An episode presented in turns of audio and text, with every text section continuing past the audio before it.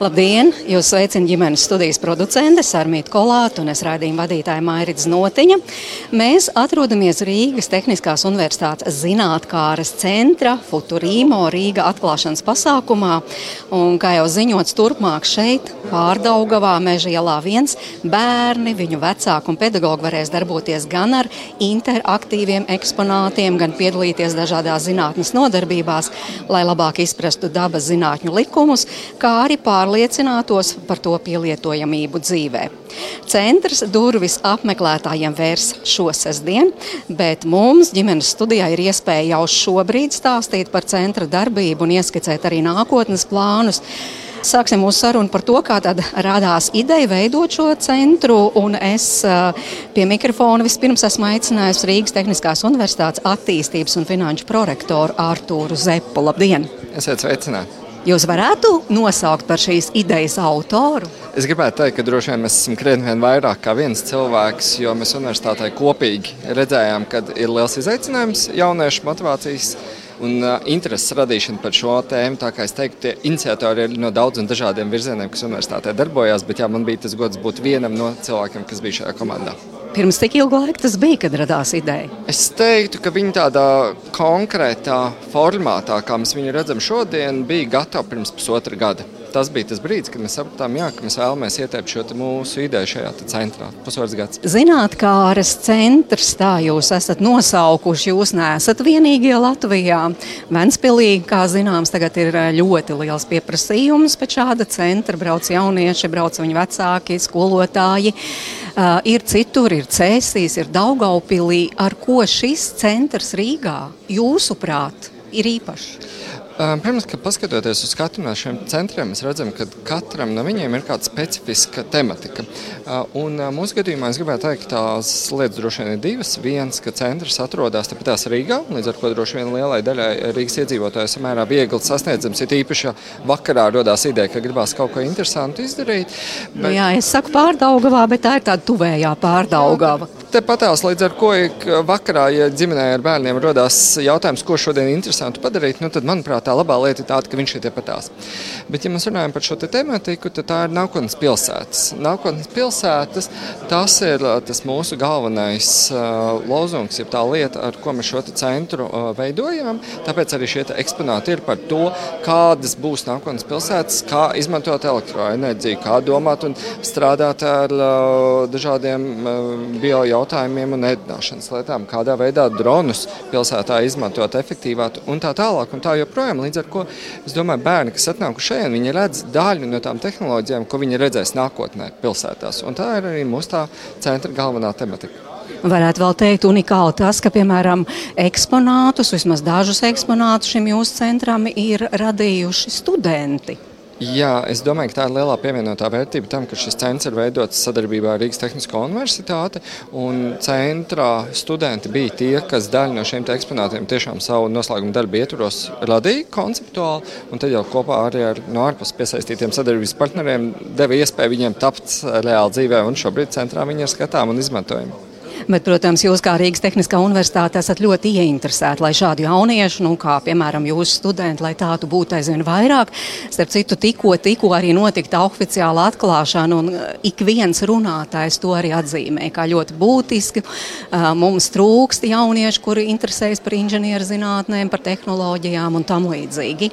Uh, nu, jūsu doma vai ar šādu centru varbūt arī citu kolēģu pieredze, vai izdodas kādā uzšķilt to dzirksti. Oh, Tas ir interesanti. Jā, es domāju, ka pilnīgi noteikti. Protams, mums jāatzīst, ka nevar tikai šādu centru palielināt šo interesi. Jauniešos ir jāīsteno daudz un dažādas citas aktivitātes, bet šādiem centriem ir ļoti, ļoti liela nozīme. Tāpēc, ka tā dod iespēju bērniem, patiesībā jau no bērnu dārza perioda vai posma, ieraudzīt to, ka ķīmija un fizika var būt interesanti, atnākt un saprast tās pirmās likuma sakarības, kas parādās dažādos un eh, kas ir redzams mūsu šajos eksponātos, tādā veidā iegūt to jēgu ķīmijai un fizikai, kas vēlāk jau pārvēršas iespējams nopietnākos eksponātos vai eksperimentos, ko viņi var izbaudīt ne tikai šeit zālē, bet arī darbojoties praktiski. Un tad, kad viņiem ir radusies tā interese un izpratne, mēs saprotam, nu, ka tas ir visjēgpilnākais brīdis, kad viņiem izvērtēt savu nākotnes karjeras attīstību un iespējams izman, iz, izmantot to kā nākotnes virzienu arī savām studijām. Jā, jo ne tikai eksponāti, arī eksperimenti un tikko arī atklāšanās, starp citu, uh, rādīja tādu ķīmijas eksperimentu, un es skatījos, te ļoti daudz dažādu respektablu pie, pieaugušie sanākuši arī uh, Rīgas mērs Mārtiņš Staķis, dažādu uzņēmumu vadītāji un tam līdzīgi, un šo pieaugušo sejās parādījās smaids. Jā, es pilnīgi piekrītu. Mums Rīgas Tehniskās universitātes darbiniekiem bija iespēja uh, nedēļu pirms centra oficiālās atklāšanas atvest savus bērnus. Man jāatzīst, ka es daudz no saviem kolēģiem iespējams redzēju pat vairāk sajūsmināts nekā bērns. Tā kā es domāju, ka šeit būs interesanti gan pieaugušiem, gan bērniem. Nu jā, jo jūs sakāt, gan pieaugušajiem, gan bērniem, gan arī pedagogiem. Visiem ir interesanti, uh, nu, kur pieaugušajiem. Es starp citu skatos arī pieaugušie, reku mēģi, mēģina eksponāt. Nobalansēt uz dēļ. Paldies Rīgas Tehniskās Universitātes attīstības un finanšu prorektoram Artūram Zepam. To tiešām ģimenes studija saka lielu paldies, ka jums šāda ideja uh, ir radusies un ka tā ir arī izdevusies. Un uh, turpinot, aicinu šeit sarunu uz sarunu Latvijas energo valdes priekšstādātāju Mārtiņu Čaksti. Labdien, ģimenes studijā! Sveicināti! Jūs arī bijāt viens no tiem pieaugušajiem, kurš jau kaut ko pamēģināja no tā, kas šeit centrā tiek piedāvāts. Es starp citu skatās, skatos, te piemēram divi pieaugušie ar balansa dēļiem mēģina vadīt kaut ko tur ekrānā. Nezinu, braukt ar mašīnu vai kaut ko tam līdzīgu. Es vēl nepaspēju pārāk vēl atnākt, bet noteikti atgriezīšos ar visu ģimeni. Tā kā noteikti izmēģināšu. Tad jūs arī nepamanījāt, kas varbūt jums, piemēram, piesaistīja to jūsu uzmanību. Es vēl neesmu izteigājis, man vēl tas priekšā. Labi, bet kāpēc tad Latvijas energo nolēma atbalstīt šo Rīgas Tehniskās Universitātes ieceru veidot zinātnākāras centru Futurīmo Rīga? Latvijā ir vissliktākā situācija šobrīd proporcijā sociālās zinātnes un eksaktās zinātnes. Eiropā. Kā, kādā ziņā jūs sakāt, mums ir sliktākā mums, proporcija? Mums ir sociālo zinātņu pārprodukcija, absolventi un savukārt eksaktās zinātnēs ir iztrūkums. Pēc zinātnes ministrijas pētījuma aptuveni 9000 studentu iztrūkums. Jūs to arī jūtat kā uzņēmums, ka trūkst šādu speciālistu? Mēs to jūtam gan kā uzņēmums, gan arī, es domāju, visa sabiedrība to jūt, jo faktiski ir runāts, protams, politiskā līmenī, bet nu, mums ir jāveic kaut kāda veida šī viedā reindustrializācija, kur mēs pārējām varbūt no kaut kādas apkalpojošās sfēras, bet sākam ražot kaut kādu pievienoto, augstāku pievienoto vērtību. Un to mēs bez uh, gudriem uh, patentus uh, veidot spējīgiem jauniešiem nespēsim izdarīt. Nu, runas jau par šo skanu, un es domāju, ka katrs Latvijas iedzīvotājs šo ir dzirdējis. Tas nav nekas jauns, bet jautājums, bet kā to īstenot? Nu, mēs kā uzņēmums darām, ko varam. Uh, Mēs eh, esam jau 20 skolas aprīkojuši ar eh, fizikas eh, eksperimentiem nepieciešamiem instrumentiem. Tāpat arī šogad tāds pats konkurss tiks turpināts un desmit skolas tiks aprīkotas. Pagājušo sestdienu mēs veidojām Fizmiks lielo fizikas festivālu, kur sabrauc no visas Latvijas 360 dalībnieku. Šoreiz bija 300 skolnieki un 60 skolotāji. Un, lielisks liekas, pasākums, kur, kur uh, labākie visi varēja dabūt uh, skaistas balvas, ieskaitot arī skolotājs. Un, uh, tajā pasākumā mēs runājam ar vairākiem ekspertiem, un viens no secinājumiem bija, ka uzņēmumi kaut ko dara, universitātes kaut ko dara, bet vēl iztrūkst viens posms, un tā ir ģimene kur vecāki varbūt savus bērnus vairāk vedinātu, interesēties par šīm eksaktajām zinātnēm. Tad, tad kā reize šis futurīmo ir tāda vieta, kur atnākt un pārbaudīt, vai tam bērnam ir tā interese un kopā padarboties eh, un, un, un um, radīt šo interesi. Tā jūs cerat, ka arī šādos zinātnes nu, vai, vai zinātnākāras centros var uzšķirt, to dzirksteli, to interesi radīt uh, bērnos? Nu, piemēram, tas ir viens no veidiem. Es, starp citu, arī pirms brīža tieši tādu pašu jautājumu uzdevu Rīgas Tehniskās Universitātes attīstības un finanšu prorektoram Artūram Zepam. Vai šeit var uzšķilties dzirkstēli, kā jums šķiet, var? Um, mēs viennozīmīgi esam pārliecināti, ka uh, ieinteresēšana šajā uh, un, un, un šīs situācijas izmaiņa tas ir uh, ļoti komplekss darbs. Tā tad ir jādara pilnīgi visos virzienos. Un šis ir viens no posmiem, kā jau es teicu, tas ir tas posms, kur pati ģimene, vecāki var, var izmantot šo iespēju un radīt šo interesi savam bērnam. Tādā veidā nodrošināt viņam varbūt uh, daudz interesantāku un pārtikušāku nākotni jo eksaktās zināšanas būs nepieciešams vēl ilgi. Nu, tad par Latvijas energo iesaist šī centra radīšanā. Finansiāli palīdzējāt? Mēs noziedojām 100 tūkstošus un, un nācām arī ar kaut kādām savām iniciatīvām. Tā tad ir divas šīs laboratorijas, kur varēs darboties. Ja, un, un, nu, mēs turpināsim visādi arī uz, uz priekšu attīstīt, bet tā, tas mūsu uzstādījums arī bija tāds, lai tas nebūtu vienkārši kā vienreizējs pasākums, bet tas ir centrs, kurā visu laiku kaut kas notiek. Un, un arī mēs centīsimies, lai tas saturs visu laiku ir interaktīvs, dinamisks. Un, un katru gadu varētu atnākt kaut ko apstīties. Nu, nu, ļoti, ļoti ceram, ka tā arī būs. Tiešām paldies, saku Latvijas energo valdes priekšsēdētājam Mārtiņam Čakstem. Jā, paldies! paldies. Droši vien, ka varētu Futurīmo Rīga vadītāja Keitija Litte teikt paldies ne tikai Latvijas energo, bet arī daudziem citiem uzņēmumiem, kur iesaistījās šī centra tapšanā. Varbūt kuri tie bija? Jā, attiecīgi ir Latvijas energo mums ar trīs eksponātiem. Vēl mums ir LMT ar dronu simulātoru un spēli kustībā, kur uz balansa dēļ ir jābrauc trasīta. Pie mums ir Rīgas ūdens ar ūdens torni, kā arī mums ir Latvijas finieris ar kluču spēli. Um, jā. Tā kā jūs esat iesaistījuši un daudz jūs esat atbalstījuši, un jau arī atklāšanā skanēja tāds vārds - sadarbība tā ir uh, sadarbība, un tieši sadarbības rezultātā ir arī tapis šis centrs. Kā jums izdevās piesaistīt un ieinteresēt tos sadarbības partnerus? Jā, nu šis jau ir ļoti nepieciešams un vērtīgs, tāpēc, ka šeit braucot skolēniem, bērniem, jauniešiem, klasēm, viņi veicina Mēs aicinām zinātnēkāri pēc inženierzinātnēm, lai attiecīgi viņi vēlāk iet to studēt un izvēlēties kā savu profesiju. Un visi uzņēmumi, kas mūs ir atbalstījuši, viņiem ir nepieciešami nākotnē šie speciālisti, kas pēc visiem pētījumiem ir redzams, ka darba tirgu trūks. Tāpēc mūsu uzdevums un viņiem arī ir interesi mūs atbalstīt, lai arvien vairāk bērni aizrautos par šīm zinātnēm un nākotnē būt profesijās dažādās. Bet es skatījos, jūs pirms centra atklāšanas, dažus mēnešus pirms centra atklāšanas aicinājāt arī ikvienu Latvijas iedzīvotāju atbalstīt. Nu, sniegt savu artu, un pēc tam jūs teicāt, mēs jūs vārdu, uzvārdu kaut kādā plāksnītē iegravēsim, un tad kaut kur tur uz pakāpieniem vai uz īpašas sienas uzliksim kā pateicību. Tā ideja jau sāk īstenoties, tā ir dzīve un turpinās. Tā turpinās. Mums jau bija pirmie, kas attiecīgi izvēlējās šo vārdu opciju. Mums ziedojumiem bija dažādi mērķi. Mums bija tieši centra attīstībai, kur varēja noziedot un savu vārdu uzlikt jā, zem ziedotāja koka vai uz pakāpienu vai kino zinātnes šova telpā. Bet mums bija arī ziedojuma mērķis, kur tu vari dāvināt. Mums e, vispār kampaņas e, sauklis bija uzdāvina zināšanas. Attiecīgi, caur ziedojumu varēja uzdāvināt e, kādai klasē klases ekskursiju zinātnes centru un klasītu bez saviem līdzekļiem vienkārši spēja atbraukt, iesaistīties nodarbībā, apskatīt eksponātus. Mums bija vairāk ziedotāji, kas izvēlējās tieši šo iespēju. Var darīt arī uz priekšu, vai ne? Nē, nē, noteikti tas nav apstājies. Mēs turpinām, mums vēl centrā ir daudz ko darīt. Mēs esam apguvuši tikai pusi ēkas, mums vēl ir trešais tavs un pagrabstāvs, kur mēs jau virzīsimies tālāk. Mums atbalsts būs nepieciešams, un arī pašu ziedojumu mērķi varēs e, uzņēmumi, vecāki, jebkurš dāvināt ekskursijas klasēm. Tāpat arī savu centru uzlikt uz e, sienas, e, savu vārdu uzlikt centrā uz sienas un justies kā mecenāts un ieguldīties bērnos. Lai tiešām rosinātu varbūt vairāk cilvēkus iesaistīties, ne tikai nākt uz šo centru, bet arī atbalstīt.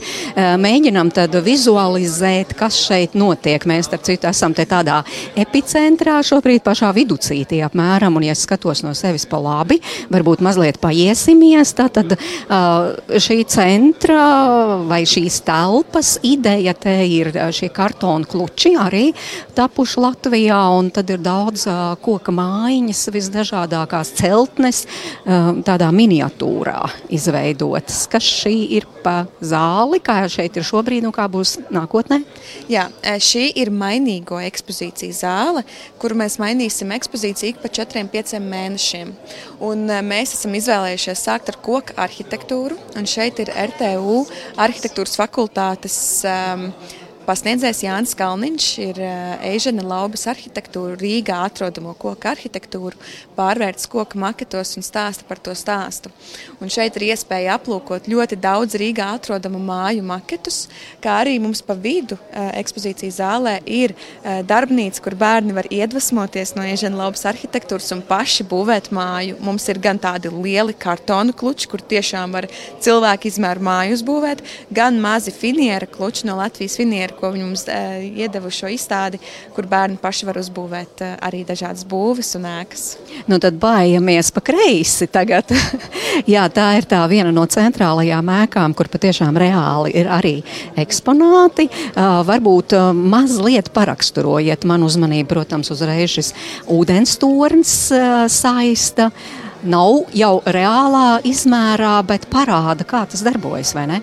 Jā, tas ir Rīgas ūdens torņa makets, viens pret desmit. Un tas ir attiecīgi ūdens tornis rāda principu, kā notiek ūdens padeve ūdens tornī. Pienākot pie eksponāta, tiek nospiesta poga, un mēs varam redzēt, kā ūdens iet ūdens tornī augšā un kā viņš nāk lejā un kā vispār noris ūdens padeve un spiediens un viss, kā mēs vispār mājās iegūstam ūdeni. Par ko vēl šeit var pārliecināties? Šajā zālē mums pirmkārt ir arī Latvijas energo laika līnija, kas stāsta par enerģijas vēsturi. Mums ir viens LMT eksponāts, ko es minēju par simulāciju vidē, kur var braukt ar mašīnām. Bet tieši šajā zālē mēs koncentrējamies uz mūsu mazākiem apmeklētājiem. Mums ir eksponāti, kas skaidro dažādus fizikas likumus. Un šeit tiešām caur tādu sakarību likumu veidojumu eksponātos bērni var kaut ko iemācīties par vēja tuneli, par uh, svaru. Par... Jā, tagad skatos, eh, viens jauneklis iesēdies krēslā un mēģina sevi pacelt ar, ar, ar tādu svārsta palīdzību. Droši vien es nemāku pareizi izstāstīt. Ar svīru. Ar svīru, ar svīru, jā, jā pareizi. jā, tieši tā, viņš ar svīru var pats sevi pacelt.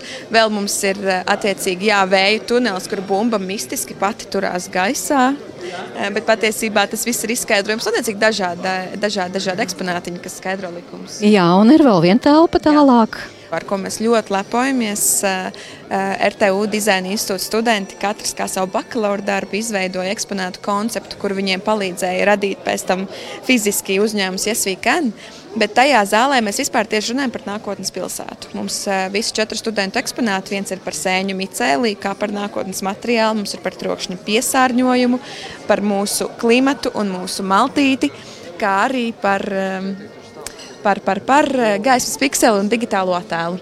Kā arī tajā zālē ir divi Latvijas energo eksponāti par vēja ģenerators, atjaunojumie resursi un elektroautorātu. Kā arī pie abiem eh, eksponātiem var izspēlēt dažādas simulācijas. Nu, starp citu, es jau pirms uh, centra atvēršanas oficiālās izmēģināju vienu šo eksponātu, tātad telpu, kurā var ieiet un pārbaudīt, nu, vispār telpu, kur stāst par troksni un parāda, cik kāda, teiksim, kāds ir trokšņa līmenis, iekrāsojot to attiecīgā krāsā un pārbaudīt, cik skaļi es varu nokliekties.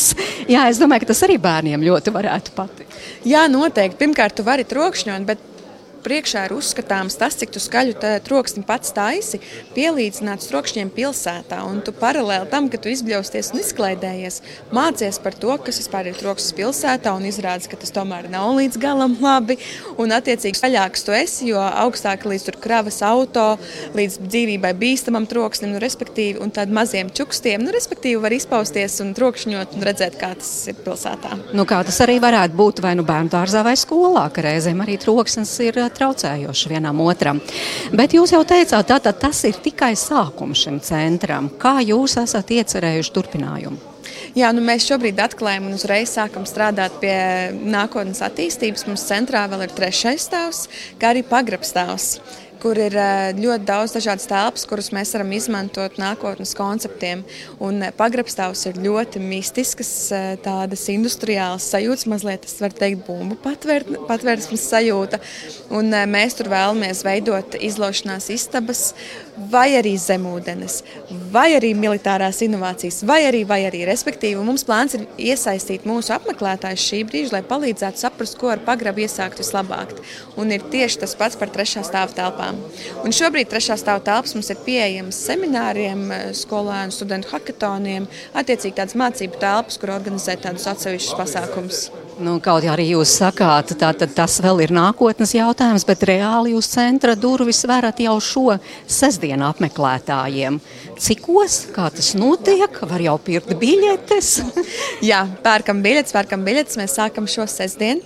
Mēs brīvdienās, sestdienās, svētdienās strādājam no 10 līdz 7. Un tā arī uz priekšu strādājam, izņemot pirmdienas. Un sestdien, svētdien arī rosinu nākt, jo mums šeit būs zinātnes šovi, mums būs praktiskas nodarbības, mums būs vēl dažādas aktivitātes, kas ikdienā šeit nebūs sastopamas, kas ir inovācijas. Šeit varēs raķeti ieraudzīt, varēs ieraudzīt aļģu, koku, nu, respektīvi dažādas interesantas vēl ekstra lietas, kas nav centrā atrodamas. Jā, un droši vien jūs aicināt labi ģimenes, bet nākotnē jau arī skolēnus, klašu kolektīvus. Tā būs tā jūsu galvenā auditorija droši vien. Jā, mums ir divas tā, šīs tā auditorijas. Viens ir ģimenes, bet otrs ir noteikti klases, mums jau ir zvanījuši vairāk vairākas skolas un klases un jau rezervējušas ekskursijas uz priekšu līdz šī pavasara beigām. Un, uh, tas pieprasījums ir pirms jau atvēršanās, un mēs nevaram sagaidīt, ka mēs varēsim sagaidīt daudz klašu grupas, jo mēs savas ekskursijas ne tikai dāvājam iespēju um, doties ekspozīcijā, bet arī uh, darboties nodarbībā un iesaistīties un praktiski darboties. Un to mēs gribam dot uh, visiem bērniem, jauniešiem, vecākiem, omītēm, mazbērniem, visiem. visiem. Tiešām ģimenes studija no sirds novēl, lai jums izdodas un uh, priecājas tiešām par šī centra rašanos arī Rīgā. Uh, tātad atgādinu klausītājiem, dzirdējāt Futurīmo Rīga vadītāju Keitiju Liti. Paldies! Uh, bet mēs šeit ģimenes studijā turpinām sarunu no jaunatvētā zinātkāras centra un paldies arī Rīgas domas izglītības pārvaldes vadītājām Ivaram Balamovskim. Mēs tiešām to līdzi līt noslēgsim vēl papildus sadarbības līgumu starp eh, centru un mūsu izglītības kultūras sporta departamentu. Un sākot jau ar otrdienu, Rīgas 7. E, klases skolēniem būs iespēja šeit nākt un izbaudīt visu to, ko centrs piedāvā. Gan sākot ar ekspozīcijas apmeklējumu, gan arī ar e, konkrētām e, laboratorijas nodarbībām apakšā divos stāvos. Tā kā mūsu līgums paredz, ka katru otrdienu, trešdienu, ceturtdienu pulkstenis 9 un 12. 7. klases skolēni pēc noteikta grafika varēs nākt un apgūt šeit visas tās prasības, zināšanas, iemaņas, ko centrs dod. Kā, paldies, esam priecīgi par to. Jā, bet kāpēc šāda izvēle? Jūs sakāt, 7. un 9. klašu skolēni, tiem jūs dodat tā teikt priekšroku, kāpēc šai vecuma grupai, jo te jau varētu būt interesanti arī mazajiem, arī pamatskolas skolēniem, nu, visu vecumu bērniem. Ne, nu jūs jau pareizi sakat, centrs ir eh, nu, teikt, strukturēts, ka šeit iespējas ir visiem. Bet eh, kopā arī ar Tehnisko universitāti, ar skolu vadītājiem paši mēs saprotam, ka tieši 7. klase šobrīd ir Nu, ir tie ir bērni, kuri pēc gada uzsāks mācīties fiziku, ķīmiju pēc izglītības programmām. Tas ir tas vecums, kad mums vēl jāiedod laicīgi, jāparāda, cik šīs nozars, kā mēs šodien redzējām, var būt dažādas, cik daudz šeit var eksperimentēt, saskatīt un lai viņus ieinteresētu. Nu, vienkārši arī centra šī kapacitāte nu, nav tāda, ka mēs varētu pat trešās klases visas vai septītās. Nu, tas ir mūsu pirmais pilotu projekts, kurā mēs šādu akcentu esam uzlikuši. Un, nu, mēģināsim īstenot un cerams, ka mums arī izdosies un būs rezultāts. Nu, bet jūs tātad esat atbalstītāji, Rīgas doma atbalsta šo projektu. Tas nozīmē, ka 7. un 9. klases skolēniem šis centra apmeklējums būs bezmaksas pasākums, vai ne? Es precizēšu, tātad 7. klases šobrīd tikai iet runa par 7. klasēm. Jā, mēs izmantojam tās iespējas, kas mums ar sadarbības līgumu ir jau noslēgts, un mums ir atrunāts, cik plašu grupas var apmeklēt bez maksas. Bet, lai nodrošinātu to, ka līdz nākošā mācību gada beigām visas septītās klases tiek, mēs budžetā esam arī raduši vēl papildus līdzekļus, lai nu, rastu vienlīdzīgas iespējas, lai nebūtu tā, ka kādas skolas septīto klašu bērni tiek, bet kādi citi nē. Tātad Jā, jo... mērķis ir sākot tagad no 25. aprīļa līdz māja beigām būs pirmais, pirmās grupas, un tad sākot no septembra turpināsim visu nākošo mācību gadu kuri tad būs tie laimīgie, kaut kā izlozes kārtībā, vai kā jūs izvēlaties? Keitī, vienu mirklīti, stulīt jums arī pakavējaties vēl, jā. Nē, nu nav laimīgie. Mēs, protams, sastādām grafiku un šobrīd sākām ar pārdevgaus skolām, nu, kas šeit arī organizatoriski ir tuvāk un saprotot, ka mācību gada beigās ir arī daudz dažādi citi pasākumi. Tātad šīs būs pirmās skolas, kas šeit ir apkārtumā, un pēc tam, protams, ejam tālāk apturot visas Rīgas skolas. Paldies Keitijai Litei, ka šeit uzkavējāties, jo naudas jautājums vienmēr arī svarīgs jautājums. Tātad, nē, nē, nē, nemūciet lūdzu. Jā, te laimīgie tātad rīdzinieki, rīdzinieki, kuriem septītos klašu skolēni varēs bez maksas. Kā ir pārējiem, kā ar tā, naudas jautājumiem, vai ir jau zināms, cik tas maksās, piemēram, klašu kolektīvam? Jā, mums klašu ekskursija, kas ir kā mēs ar Rīgas domu esam slēguši līgumu, ir ekspozīcijas apmeklējums un nodarbība. Es izstāstīšu konceptuāli. Pusi klase dodas nodarbībā, pusi klase dodas skatīties ekspozīciju, un pēc tam viņi mainās. Un mēs to darām, lai būtu personīgāka pieeja, spēcīgāka iesaista bērniem uz 140 eiro. Pietiekami dārgi.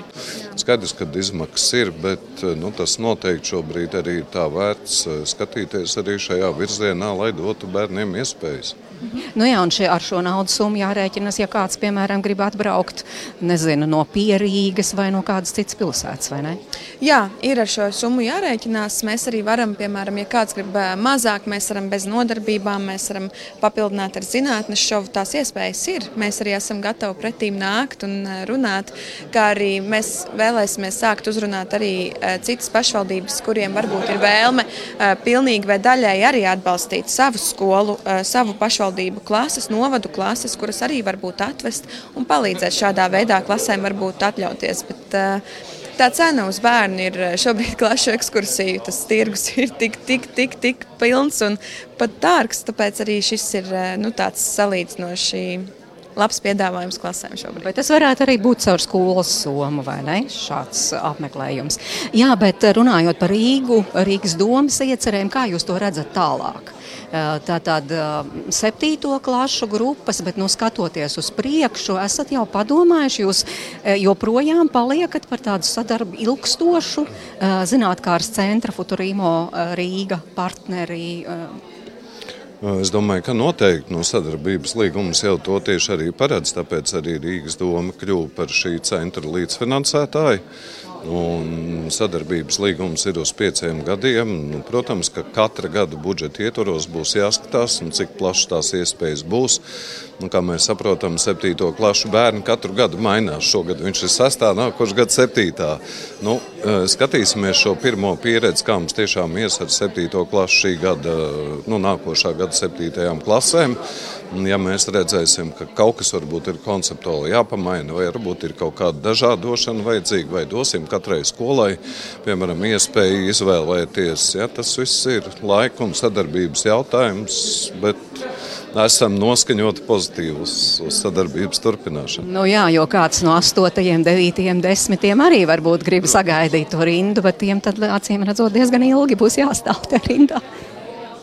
Nē, nu es negribu pagriezt. Tagad, eh, man liekas, skatāmies no ieguvumiem. Jā, iespējas eh, katrā ziņā ir, un, kā jau teicu, arī ģimenes pašas var nākt. Un, eh, Šo programmu mēs izstrādājam, lai viņi patiešām būtu ar kvalitīvu pienesumu.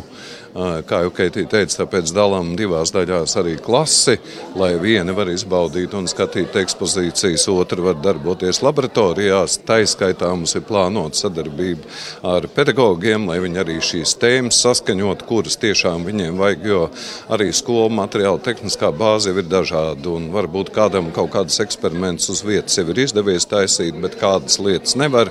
Un tieši šeit atkal ir tā iespēja paeksperimentēt vai izdarīt kaut ko jaunu, tādu, ko tu skolā nevari. Tāds jau arī ir tas mērķis. Paldies! Paldies! Tiešām vēlreiz paldies Keitijai Litei, centra vadītājai, un arī Rīgas domas izglītības pārvaldes vadītājām Ivaram Balamovskim. Bet nu, droši vien, ka arī izglītības un zinātnes ministrija ir ieinteresēta gan šī centra tapšanā, gan šāda centra darbībā. Un es tagad sasveicinos ar Izglītības un zinātnes ministrijas augstākās izglītības zinātnes un inovāciju departamenta direktoru vietnieku Jāni Paideru. Labdien! Labdien! Kādas emocijas? Jūs droši vien arī pirmo reizi šajā centrā nu, vērojāt, varbūt kaut ko jau pamēģinājāt. Kādas tās emocijas? Jā, tiešām, tiešām šī, šī man bija pirmā iespēja arī redzēt, redzēt klātienē šo centru. Un, gan, gan es, gan arī apkārt, cik es saprotu no cilvēkiem, kas šeit ir ieradušies, mēs redzam nu, tiešām to, ka šis eksponāts, visas klāsts, klāsts ir izdevies. Un īpaši tas, to mēs redzam aktuālu kontekstā ar principā mums ļoti aktuālu izaicinājumu, kā uh, uzlabot rezultātus tieši dabas un inženierzinātnēs, jeb tā sauktajās STEM profesijās, kur uh, teikšu godīgi, ja, ja, ja tagad es uzaugu, uzaugu, uzaugu un biju, ne, biju mazs, būtu bijuši Latvijā šādi centri, tas, tas man interesi par dabas zinātnēm un es domāju, daudziem citiem būtu vairojis daudz agrākā vecumā. Un, līdz, līdz ar to, līdz ar to tas, ko arī ļoti daudzi, daudzi komentē, tas, ko arī darba tirgus prognozes parāda attiecībā par STEM profesijām, par to, ka uh, pieprasījums pēc speciālistiem šajās, šajās jomās ir uh, ļoti augsts šobrīd, uh, vēl jau vairāk stiprina to, kāpēc šādi centri ir uh, mūsu ieskatā nepieciešami, jo uh, veidi, kādā uh, dabas zinātnes, precīzāk STEM zinātnes tiek apgūtas, ir ļoti dažādas. Ne tikai formālais process izglītības iestādēs, bet arī principā intereses radīšana, kas tikpat, no, tikpat, tikpat nozīmīga. Un, tam, tam viennozīmīgi būs, būs milzīga ietekme uz šo. Tas, kas, protams, ir jāņem vērā, jāņem vērā. Nu, ja mēs tagad skatāmies šim centram darbojoties, pirmie bērni, kas tur darbosies, jaunieši, bet īpaši, ja mēs skatāmies bērnus, kuriem būs tiešām iespēja no mazonas jau šeit darboties, ja kādam no šī tiešām radīsies interese, kuram iepriekš nebija aktīvi uh, savu dzīvi saistīta ar dabas vai precīzāk inženierzinātnēm, uh, protams, uh, atdevi no šī visa būs ilgtermiņā, bet es ticu un man ir pārliecība, ka uh, 20, 30 gadu laikā būs Latvijas zinātnīs atklājumi, kuriem iespējams tas, tas stāsts, kur radās tā interese vispār par zinātnē, būs tieši šajā mājā, šajās telpās, šajās sienās. Nu, teorētiski jau varētu rasties arī skolā, jo nu, vajadzētu jau būt tā tiešām, ka fiziku, ķīmiju un citas šīs zinātnes māca ne tikai teorētiski, bet arī praktiski. Bet kā jūs, kā jūs šo praktisko lietu vērtējat skolās? Varbūt joprojām nepietiekami? Es, teiktu, es teiktu, ka tas drīzāk ir kom, nepieciešamība ir komplementēt šo visu. Ir skaidrs, skaidrs ka šobrīd uh, konkurence par augsti kvalificētiem nākotnes speciālistiem ir liela. Uh, un, uh, pat ja skolas spēj nodrošināt ļoti labu to praktisko pusi, jebkuri šādi centri un Futurīmo centrs tiešām, tiešām man ar pārliecību ir tāda, ka viņš ļoti labi šeit strādās, komplementēs un to praktisko pusi vēl vairāk, vairāk, vairāk, vairāk, vairāk pastiprinās. Uh, jo konkurētspēja, kā jau teicu, par augstu līmeņu darba, darba, spēku, darba spēku ne tikai Latvijas mērogā, bet arī globāli tikai pieaugs. Un, uh, un uh, jebkuri jauni veidi, kā mācīt, kā jaunus cilvēkus sasniegt, vai vēl, jo, vēl jau vairāk no mazones radīt to interesi, interesi ir uh, nu, teiktu, Latvijas nākotnes attīstībai kritiski svarīgi. Nu jā, tiešām es ceru, ka izdosies, bet nu, tāda varbūt tāda personiska vēl emocija noslēdzot mūsu sarunu. Kas jums, kas, kas jums šeit visvairāk, vislielāku uzmanību? Nu, jums pašam, kas piesaistīja? Jo jūs teicāt mūsu sarunu sākot, ja es bērnībā kaut ko tādu būtu redzējis un piedzīvojis, noteikti manī būtu lielāka interese radusies par šo STEM jomu. Ko jūs šeit uzteiktu un uzsvērtu? Piemērs, ko es pieminēšu, uh, burvīgais eksponāts, kurā ir iespēja uz līdzsvaru dēļ braukt ar automobīli. Personiski tas man iedves pārliecību, ka man ar līdzsvaru izjūta ir sliktāk nekā es domāju. Bet praktiski uh, man uzreiz ir interese, interese apakšā par to, kā tas darbojas, kas ir programmatūra šim. Un, uh, ja es būtu mazāks un savu, savu varbūt profesiju neizvēlējies, tad iespējams tas man radītu interesi, interesi jau mazā, mazā bērnībā par programmēšanu, jo tu principā redzi šeit rezultātu ļoti, ļoti laba līmeņa, praktisku, taustāmu un, un, un, interesantu jebkuram, gan mazam bērnam, kurš uzkāp uz tā dēļ, gan pieaugušam cilvēkam, gan varbūt kādam senioram. Jā, starp citu, tieši to es arī visu laiku vēroju. Tas te man acis priekšā, cik pieaugušie ar kādu aizrautību viņa uzkāpja šī dēļ un mēģina vadīt auto. Paldies! Paldies Jānim Paidaram no Izglītības un zinātnes ministrijas! Un uh, es aicinu sarunai pievienoties Emīlu Bašēnu, Rīgas Tehniskās Universitātes ķīmijas fakultātes absolventu. Un jūs tā ļoti krāšņi nu, bagātinājāt šo atklāt, atklāšanas pasākumu ar ķīmijas eksperimentu. Tas vienmēr izraisa ārkārtīgu interesi. Un es atceros arī no saviem ķīmijas gadiem, kad mācījos ķīmiju. Tiešām vislabāk atceros, kā tur divus bezkā, bezkrāsainus šķidrumus salēja kopā un, un, un šķidrums palika sarkans. Un tas bija wow! Tas laikam bija pirmajā gadā mācoties ķīmiju. Un patiešām tā var rasties interesi. Jūs te arī uh, eksperimentējāt ar, ar dažādiem šķidrumiem, ar krāsām, ar, ar, ar, ar, ar vēl kaut ko. Kā jūs domājat, vai šādā veidā var pievērst bērnu uzmanību un radīt interesi? Protams, ka var pievērst bērnu uzmanību. Arī pieaugušu uzmanību. Pieaugušiem jau arī patīk visādas krāsainas, un, un uguns, un sprādzienu un visādas tādas lietas. Mēs jau eh, tiem bērniem ļoti bieži rādām eksperimentus. Tur uz skolām braukājam, rādīt, un visādos tādos pasākumos piedalāmies, kur tieši vairāk ar eh, bērniem tā strādāšana ir. Un, un es domāju, ka ķīmija ir viena no tām zinātnēm, kur tieši visvairāk var parādīt kaut ko tā, lai izskatās interesanti. Eh, bet eh, šajā centrā arī nākotnē notiks kaut kas līdzīgs, jo mm, pirmajā stāvā ir tādas eh, laboratoriju telpas, būs šīs nodarbības. Tad arī šādā veidā ļoti krāšņi demonstrējot tos ķīmijas iespējas, vai kā jūs redzat, kā tas varētu notikt? tieši plāniem, kas šeit ir paredzēts, es līdz galam nevaru pateikt. Nu, bet... Nu, bet kā jūs iedomājaties, kā tas varētu būt? Jo, kā jūs teicāt, jums ir pieredze. Ša, šajā gadījumā man liekas, tas vairāk varētu būt, ka bērniem būtu iespēja pašiem nākt un arī piedalīties tajos eksperimentos un pašiem mēģināt kaut ko uztaisīt. Un, protams, varbūt ne kaut ko dedzināšanu un spridzināšanu, bet ir pietiekami daudz citu dažādu eksperimentu, ko var arī bērni paši par sevi taisīt. Un tas ir tas, kā es iedomājos šīs nodarbības vairāk. Paldies! Cerams, ka tā arī būs. Paldies Emīlam Bašēnam, Rīgas Tehniskās Universitātes ķīmijas fakultātes absolventam. Bet nu, te ir arī Rīgas Tehniskās Universitātes studentu bariņš. Tātad Reinholds Švarts, Agnese Sauka, Unigunde Meijere un Eduards Helmuts Šmits. Visus pareizi nosaucu, nevienu neaizmirsu. Tiešām esat Rīgas Tehniskās Universitātes tātad materiāla zinātnes un lietušķās ķīmijas fakultātes dizaina tehnoloģija institūta studenti.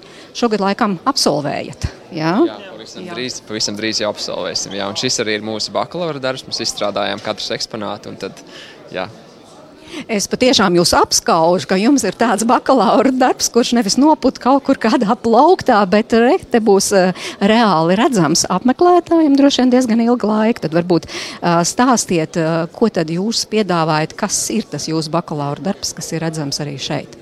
Jā, tad mans bakalaura darbs ir par saucas vienkārši pikselis, un tad es viņu aplūkoju to, kā veidos digitāls attēls. Un tad, manuprāt, diezgan vienkāršā veidā centies to izskaidrot, ka pikselis ir tā mazākā vienība, no kā viss ekrānos ir veidots un no kā mēs redzam to bildi. Bet pats pikselis īstenībā ir tikai vienā krāsā, mūsu acis tiek apmānīta tā, ka mēs redzam to attēlu. Un tad bērniem liek aizdomāties par to, ka, ka To katru pikselīšu krāsu mēs varam mainīt, ko arī viņš var nākt un izmēģināt pats. Mainot trīs krāsas, var iegūt to savu krāsu un, un, un eh, jā, saprast, ka no tām mazajām, mazajām krāsām izveidojas tas lielais attēls kopā. Tātad tas ir Reinholda piedāvājums. Jā. Ko piedāvā Agnese? Mans bakalaura darbs eksponāts ir trokšņa kabīne, kas stāsta par troksni pilsētā, trokšņa negatīvo ietekmi, trokšņa veidiem. Un, tātad šis galvenais apmeklētāja uzdevums ir radīt skaņu telpā.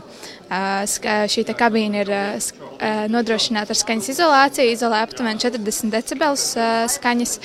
Un, jā, tajā var novērot gaismas izmaiņas, decibelu vērtības, ko rada. Tā ir tāda izklaidējoša un arī pamācoša pieredze bērniem. Un Igunde? Tad, tad jā, manu eksponātu sauc klimatam draudzīgs uzturs. Un šajā eksponātā apmeklētāji varēs izzināt, izpētīt pārtikas dzīves ciklu un noskaidrot tā ietekmi uz klimatu, kā arī izveidojot kādu sev tīkamu maltīti, noskaidrot, kuri produkti no mūsu ēdienkartes ir dabai viskaitīgākie. Nu, tad nosauciet uzreiz, kuri ir viskaitīgākie, vismaz dažus. Gaļas un piena produkti. nu, protams, jā. Nu, tā tad Eduarda Helmuta piedāvājums. Mans eksponāts ir nākotnes materiāli, un tur būs iespējams apskatīt, kā no sēnēm tiek audzēti materiāli, ko mēs nākotnē varēsim veikalos viņam iegādāties. Un tad eksponāta kopējais stāsts ir, kad sākumā es iepazīstinu ar uzbūvi sēnes, kas vispār tiek izmantots materiāla audzēšanā, kas ir micēlijas, kas aug zem zemes. Un tad tālāk jau mēs varam apskatīt kādus pārpalikumus, ko mēs ikdienā metam ārā, mēs varam izmantot, lai audzētu jaunus produktus. Jā, bet nu, tiešām tas nav tikai tāds eksponāts eh, vai, vai kaut kāds uzraksts uz sienas. Tie ir re, reāli eksponāti. Kā vispār tie tapa? Pirmkārt, kā tapa ideja un kā pēc tam tā realizējās? Vesels ceļš, vai ne? Jā, ceļš ir garš. Mēs jau visu gadu pie šī strādājam. No sākuma bija idejas. Mums it kā bija doti tie virzieni, kuros mēs varam strādāt. Šī lielā tēma bija nākotnes pilsēta. Tad mēs katrs izvēlējāmies un attīstījām. Jā, tas svarīgākais uzdevums bija saprast, kā to pasniegt bērniem tādā vienkāršā un aizraujošā veidā. Un tad tika domāts, kā salāgot gan to informatīvo daļu ar to interaktīvo un izklaides daļu katrā eksponātā. Nu, kā jums radās ideja par pikseļiem stāstīt, ka to noteikti vajadzētu bērniem izstāstīt? Jā, tā ideja ir saistīta arī ar mūsu varbūt studiju virzienu, kas arī ir daļa no RTU iespējām, ko studēt. Un, manuprāt, ir maza izpratne par to, kā, kā veidojas attēls. Manuprāt, šādā veidā var pievērst uzmanību un vienkāršā veidā to izstāstīt un varbūt radīt to interesi par šo. Kā radās ideja par skaņu? Protams, tā kā es strādāju ar skaņu, man, personīgi vispievilcīgākā šā ideja, bet kā tā radās? Sākotnēji es vēlējos bakalaura darbu saistīt ar akustisku kaut kādu risinājumu vai nu paneli, un tad atnāca šis projekts, un sākumā vēlējos radīt klusuma kabīni, bet saprotot, kas bērniem liktos saistošāk, nonācām pie trokšņa kabīnes, kurā var izklēkties. Nu, bet to kabīni tā tad uzbūvēja, uzprojektēja, tur kāds cits vai ne izdomāja, kā to visu realizēt. Principā pie idejas strādāju es, pie risinājumiem uh, arī es, bet uh, ar speciālistu palīdzību mēs nonācām līdz šī, šai kabīnes konstrukcijai, ko tālāk arī būvēja Yes Weekend. Un par tiem ēdieniem, kā jūs iedomājaties, vienkārši mūsu dienu aktualitāte? Vai jums tas šķiet ļoti aktuāls jautājums? Jā, tas ir aktuāls jautājums arī man pašai, bet tā kā šo te vispār centru mm, sauc nākotnes pilsēta, nu, tēma nākotnes pilsēta, tad jā, es vēlējos iet tādā. Dabai veselīgā virzienā, kā mēs savu nākotni varam padarīt dabai veselīgu. Un par tām sēnēm, par micēliju. Man vienkārši interesē pētīt, kas notiek pasaulē. Un vienā dienā es redzēju, kad tiek audzēta āda no sēnēm. Man tas šķiet ļoti interesanti, jo nu, es kā produktu dizainers kā, skatos jaunākos materiālus, un man interesē, ko es varētu nākotnē veidot. Tādā. Jā, bet šeit jau vairāk kārt izskanēja, ka centra ideja ir tiešām ieinteresēt jaunus cilvēkus inženierzinātnēs, ieinteresēt tajā, ko jūs mācāties un ko jūs nākotnē darīsiet. Kā jūsos radās vispār interese, kā radās ideja, ka jāmācās Rīgas Tehniskajā universitātē? Labs jautājums. Jā. Mm, man... Jo, starp citu, šeit pieaugušie tādi prominenti, jau nu, teiksim, labus amats ieņemoši pieaugušie teica, ah, ja manā bērnībā būtu šāda iespēja, šādi interesanti nu, uzzināt kaut ko par ķīmiju un fiziku, varbūt es arī būtu šādu profesiju izvēlējies. Jā, nu es domāju, šis noteikti palielina to iespēju, ka jaunieši šo izvēlēsies. Mūsu vecums arī ir tāds, ka mums jau bija iespēja gan Igaunijā, Hācenes, gan Latvijā dažādi centri, kur šo interesi iegūt. Bet jā, es domāju, tas nāk no skolas lielākoties, un tad jau radās tā interese, ka to arī var turpināt. Bet varētu rasties arī tādā aha centrā, jo to tiešām jau pazīst katrs Latvijas iedzīvotājs. Nu, var uzšķilties, kā jums nu, tagad atskatoties, varbūt savā bērnībā, kurš vēl tur bija bērnībā? Noteikti H centra apmeklējums bija spilgts tāds notikums skolas laikos, un es domāju, tas arī varētu jā, patiešām kādu ieinteresēt arī tepat Rīgā pie mums. Bet kā vēl ieinteresēt, kā jūs redzat? Manuprāt, ir ļoti vērtīgi, ka šis centrs ir piesaistīts tieši universitātei. Tad nav tā, ka tu uzzini kaut kur, bet tieši saistībā ar RTU, un tad iespējams tur redzi, kādas iespējas ir tieši šajā universitātē apgūt, padziļināt tās STEM jomas. Jā. Jā, un tu, jūs, protams, stāstījāt par eksponātiem, ko jūs paši esat radījuši, bet tas pārējais, kas, kas jūs piesaista vēl šeit uzmanību? Mm, mūsu telpā ir arī interesanti, ja Latvijas energo eksponāti to, to noteikti ir vērts apskatīt. Par tiem elektroautoriem un jā, vēja ģeneratoriem. Jā, tas noteikti ir vērtīgi. Uh, ir arī mūsu darbi vēl vienā citā telpā, kas ir par arhitektūru saistīti. Koka arhitektūra Rīgā ir arī šeit cita eksponāta, ko mēs vēl neesam pagūši aplūkot. Un noteikti būs jāizdara. Jā, tā ka man liekas, ir ļoti vērtīgi. Ko jau pamanījāt? Nē, nav bijis laika, jo jūs esat tie, kuri tiešām laikam stāv blakus šiem eksponātiem un arī palīdz saprast, jums kaut ko jautā apmeklētāji. Uh, nu, laikam vairāk par to darbības principu, kāds viss notiek, iepazīstināt un uh, parādīt, kas ir šī aktivitāte. Nu, tad paldies! Tiešām, lai jums izdodas. Paldies! Es saku Rīgas Tehniskās Universitātes studentiem Reinholdam Švarcam, Agnesei Saukai, Unigundei Meierei un Edvardam Helmutam Šmitam. Paldies! Es ceru, ka uz priekšu jums arī radīsies tiešām tikpat paliekoši darbi. Jā, paldies! Paldies, bet uh, man tiešām ir ārkārtīgs prieks, ka te uh, šodien uz centra atklāšanu nav atnākuši tikai pieaugušie, ka šeit ir arī bērni. Un, uh, un ģimenes studijas, starp citu, atvedu līdzi šeit Karlīnu, Lotti, Ernestu un Kristoferu. Varbūt varat nosaukt, cik katram no jums ir gadu? Man ir deviņi. Tātad Ernests, jā. Jā, tad uh, Kristofer. Man ir 12. Karolīna. 13. Un Lotte. 12. Uh, kādi pirmie iespaidi? Jums bija laiks, kamēr ģimenes studijā runājās ar pieaugušajiem, jums bija laiks visu kārtīgi iztaigāt, izmēģināt. Uh, nu, tad pirmie iespaidi, kādi tie bija? Ernest, tu esi smaidīgs. Ā, nē, Ernests, lūdzu.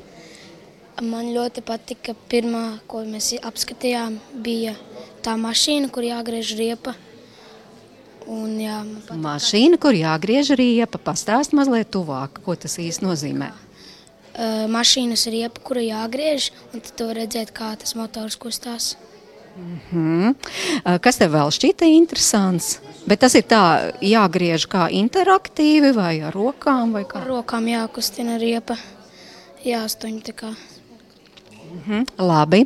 Kas tev vēl patika? Es te visu laiku pieminu, ka pieaugušie ar vislielāko aizrautību tā balansa dēļ mēģināja mašīnu vadīt. Tu arī pamēģināji? Jā, es pamēģināju, bet man labāk patika tā vieta, kur jābļauj tā istaba. Nu, cik skaļi tev izdevās pabļaut? Kad mēs bļāvām kopā ar, ar Kristoferu, mums sanāca 120 decibeli. 120 decibeli. Nu, jūsuprāt, daudz maz, jo tur arī paskaidrojam, ko tas īsti nozīmē, tie 120 decibeli. Tas bija, tas bija laikam policijas mašīnas, tas mašīnas sirens. No tuvuma vai no tām, nezinu. Varbūt laikam no tuvuma bija. Bet tas lika arī aizdomāties par troksni. Nu, kā tas Jā. ietekmē, piemēram, pašu, un ka varbūt pārāk skaļi reizēm ir arī kaitīgi. Jā, Jā. un tad, kad es uh, iebļāvos un es iedomājos, uh, ja visa klase sajiet vai vienā klasē, kur atrodas skolā, ieliktu šo instrumentu, tad būtu diezgan traks troksnis. Tāpēc es atvainojos tiem skolotājiem, kuriem ir jācieš no trakās trokšņa, ko klases taisa. Bet vispār ir tā, tiešām tie trakie trokšņi klasē, ja? Jā, ir. Bet, Ernest, kuru eksponātu tu uzteiktu un varbūt arī ieteiktu saviem draugiem šeit izmēģināt? Kurš tas tavs favorīts? Mans favorīts ir tas dēlis, tāpēc tas, tas attīsta ļoti labu balansu, manuprāt. Un arī ir jautrs veids, kā varbūt arī izkustēties maz, dru, maz drusciņu. Jo tur ir apvienota gan tā kustība, gan arī interaktivitāte. Vai ne? Nevis sēdēšana pie datora, bet šāda kustēšanās pie datora. Jā. Nu, jā, nu tad jājautā arī meitenēm, kādas jums tās pirmās emocijas, Lotte? Man, man visvairāk patika kliēšanas istaba, jo tur varēja izmēģināt, tu, cik tu skaļi vari kliegt. Un, jā. man arī patika tas dēlis, jo tur tev bija jānotur līdzsvars. Un es, manuprāt, noturēju ļoti labi, jo es dejoju septiņus gadus. Un, jā. Mhm. Nu, bet ieinteresē tādas lietas, kā te stāstīja par to sēņu micēliju, piemēram, kāpēc svarīgs, ko nākotnē no tā varētu radīt, tas arī bija interesanti. Es domāju, ka tas ir interesanti, jo tu vari uzzināt, kā, kā viss nākotnē varētu būt. Un, uh, jā. jā, jau tā tad arī Karlīnai, Karlīna, tavs favorīts šeit no eksponātiem? Mm, nu man uh, arī ļoti patika tā kliēšanas istaba, kur varēja izbļauties un redzēt, cik skaļi tu bļauj. Un arī man uh, patika tur, kur redzēja, varēja redzēt, kā ūdens no krāna uz to bundulu augšā iet. Tātad šis nu, stilizētais tāds uh, ūdens tornis. Jā, un uh, nu, tās sēnes bija interesantas, bet mazākiem, kā, ka viņi nemāca lasīt, varbūt nebūtu tik interesanti. Jūs ieteiktu saviem draugiem apmeklēt šo centru? Ļoti ieteiktu, tāpēc, jo arī šeit ir iespēja, tur ir viens tāds eksponāts, iespēja palidināt dronu, kādas sajūtas tas ir. Nu, ir ļoti labs ceļš šis uzbūvēts. Es ieteiktu arī varbūt būtu jāsarunā ar varbūt skolotāju, lai mēs šeit visa klase atbrauktu ekskursijā arī. Jā, jo starp citu arī ir tāda iespēja, ka arī klases var ne tikai jūs ar saviem vecākiem, bet arī ar saviem klases biedriem. Ernest, to arī ieteiks savai skolotājai? Jā. Jā, es ieteiktu, tas būtu ļoti forši, ja mēs varētu atbraukt, jo tad varētu visi ļoti daudz varētu sajiet tajā istabā, kur jābļauj, un tad varētu pamēģināt vai dabūt to augstāko skaļumu. Nu jā, kā tas būtu, ka visa klase, ne tikai jūs četri nobļautos? Ne, ne, nesajietu, jo tur nav tik daudz vietas. Pusklasa sajietu, pusklasa sajietu. Jā. Jā, nu, bet uh, Rīgas centrs varētu teikt, mazliet ir iepalicis salīdzinot, piemēram, Ventspilī ir uh, šis vīzijuma centrs, uh, ir AHA centrs, Tartu mūsu kaimiņos, Igaunijā, ir arī centrs Cēsīs, es zinu, ka arī Daugaupilī šis, protams, nav pirmais Latvijā. Kāds varbūt paceliet roku, kurš ir citā centrā bijis? Jā, Karlīna Ernest. Jā, un, nu, tagad salīdzinot, kas šķiet, kas varbūt šeit ir labāk vai kas šeit pietrūkst? Mēs bijām ar, ar ģimeni uz vīzījumu Ventspilī, un nu, mēs arī tur ekskursijā brauksim nākamā otrdiena, bet nu, šīs salīdzinot ar šo, Viņš ir vairāk izzino, izzinošs un vairāk pastāst par dažādām lietām nekā tas vīzijums. Vīzijumā vairāk ir izklaidēm un pavadīt laiku labāk. Šeit ir vairāk tiešām, uh, lai izzinātu kaut kādas lietas. Es esmu bijis Brēmenē vienā arī centrā. Nu, šis ir salīdzinoši mazāk nekā tas, kurā es biju. Bet tik un tā ļoti labi, ļoti interesanti un arī izzinoši. Un arī tajā, tur, kur es biju, salīdzinot ar šo, pēc izzināšanas abiem ir vienādi. Nu, varbūt tajā, tur, kur es biju, tur um, bija mazāk par izklaidi. Tā kā laba ideja, vai ne? Radīt arī Rīgā šādu centru. Jā, ļoti laba ideja. Atbalstāt? Jā. Un man ir tas pats, ko Karolīna teica, ka tajā vīzijumā bija vairāk uz izklaidēm. Un tā kā, nu, jā, vairāk riski. Mm, tā, lai varētu tur apstīties kaut kādas lietas, bet šeit tiešām ir vairāk. Nu, viņš ir arī mazāks šis, bet viņā ir vairāk uz zinātnes lietām. Tas otrs bija lielāks, bet ar daudz vairāk izklaides lietām, kā piemēram 3D brilles un lāzeru istaba un kaut kas tāds.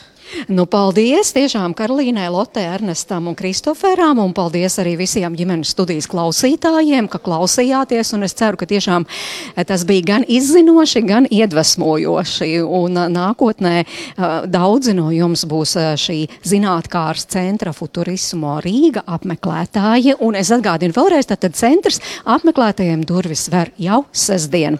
Nu, ko es vēl tikai piebildīšu, ka raidījuma producents Armīt Kolāts, skaņu inženieris Jānis Finga, Ingenfūs, mobilās studijas autovadītājs Jānis Rubenis, operātora Nora Mitspapa un es Mērits Notiņa biju pie mikrofona.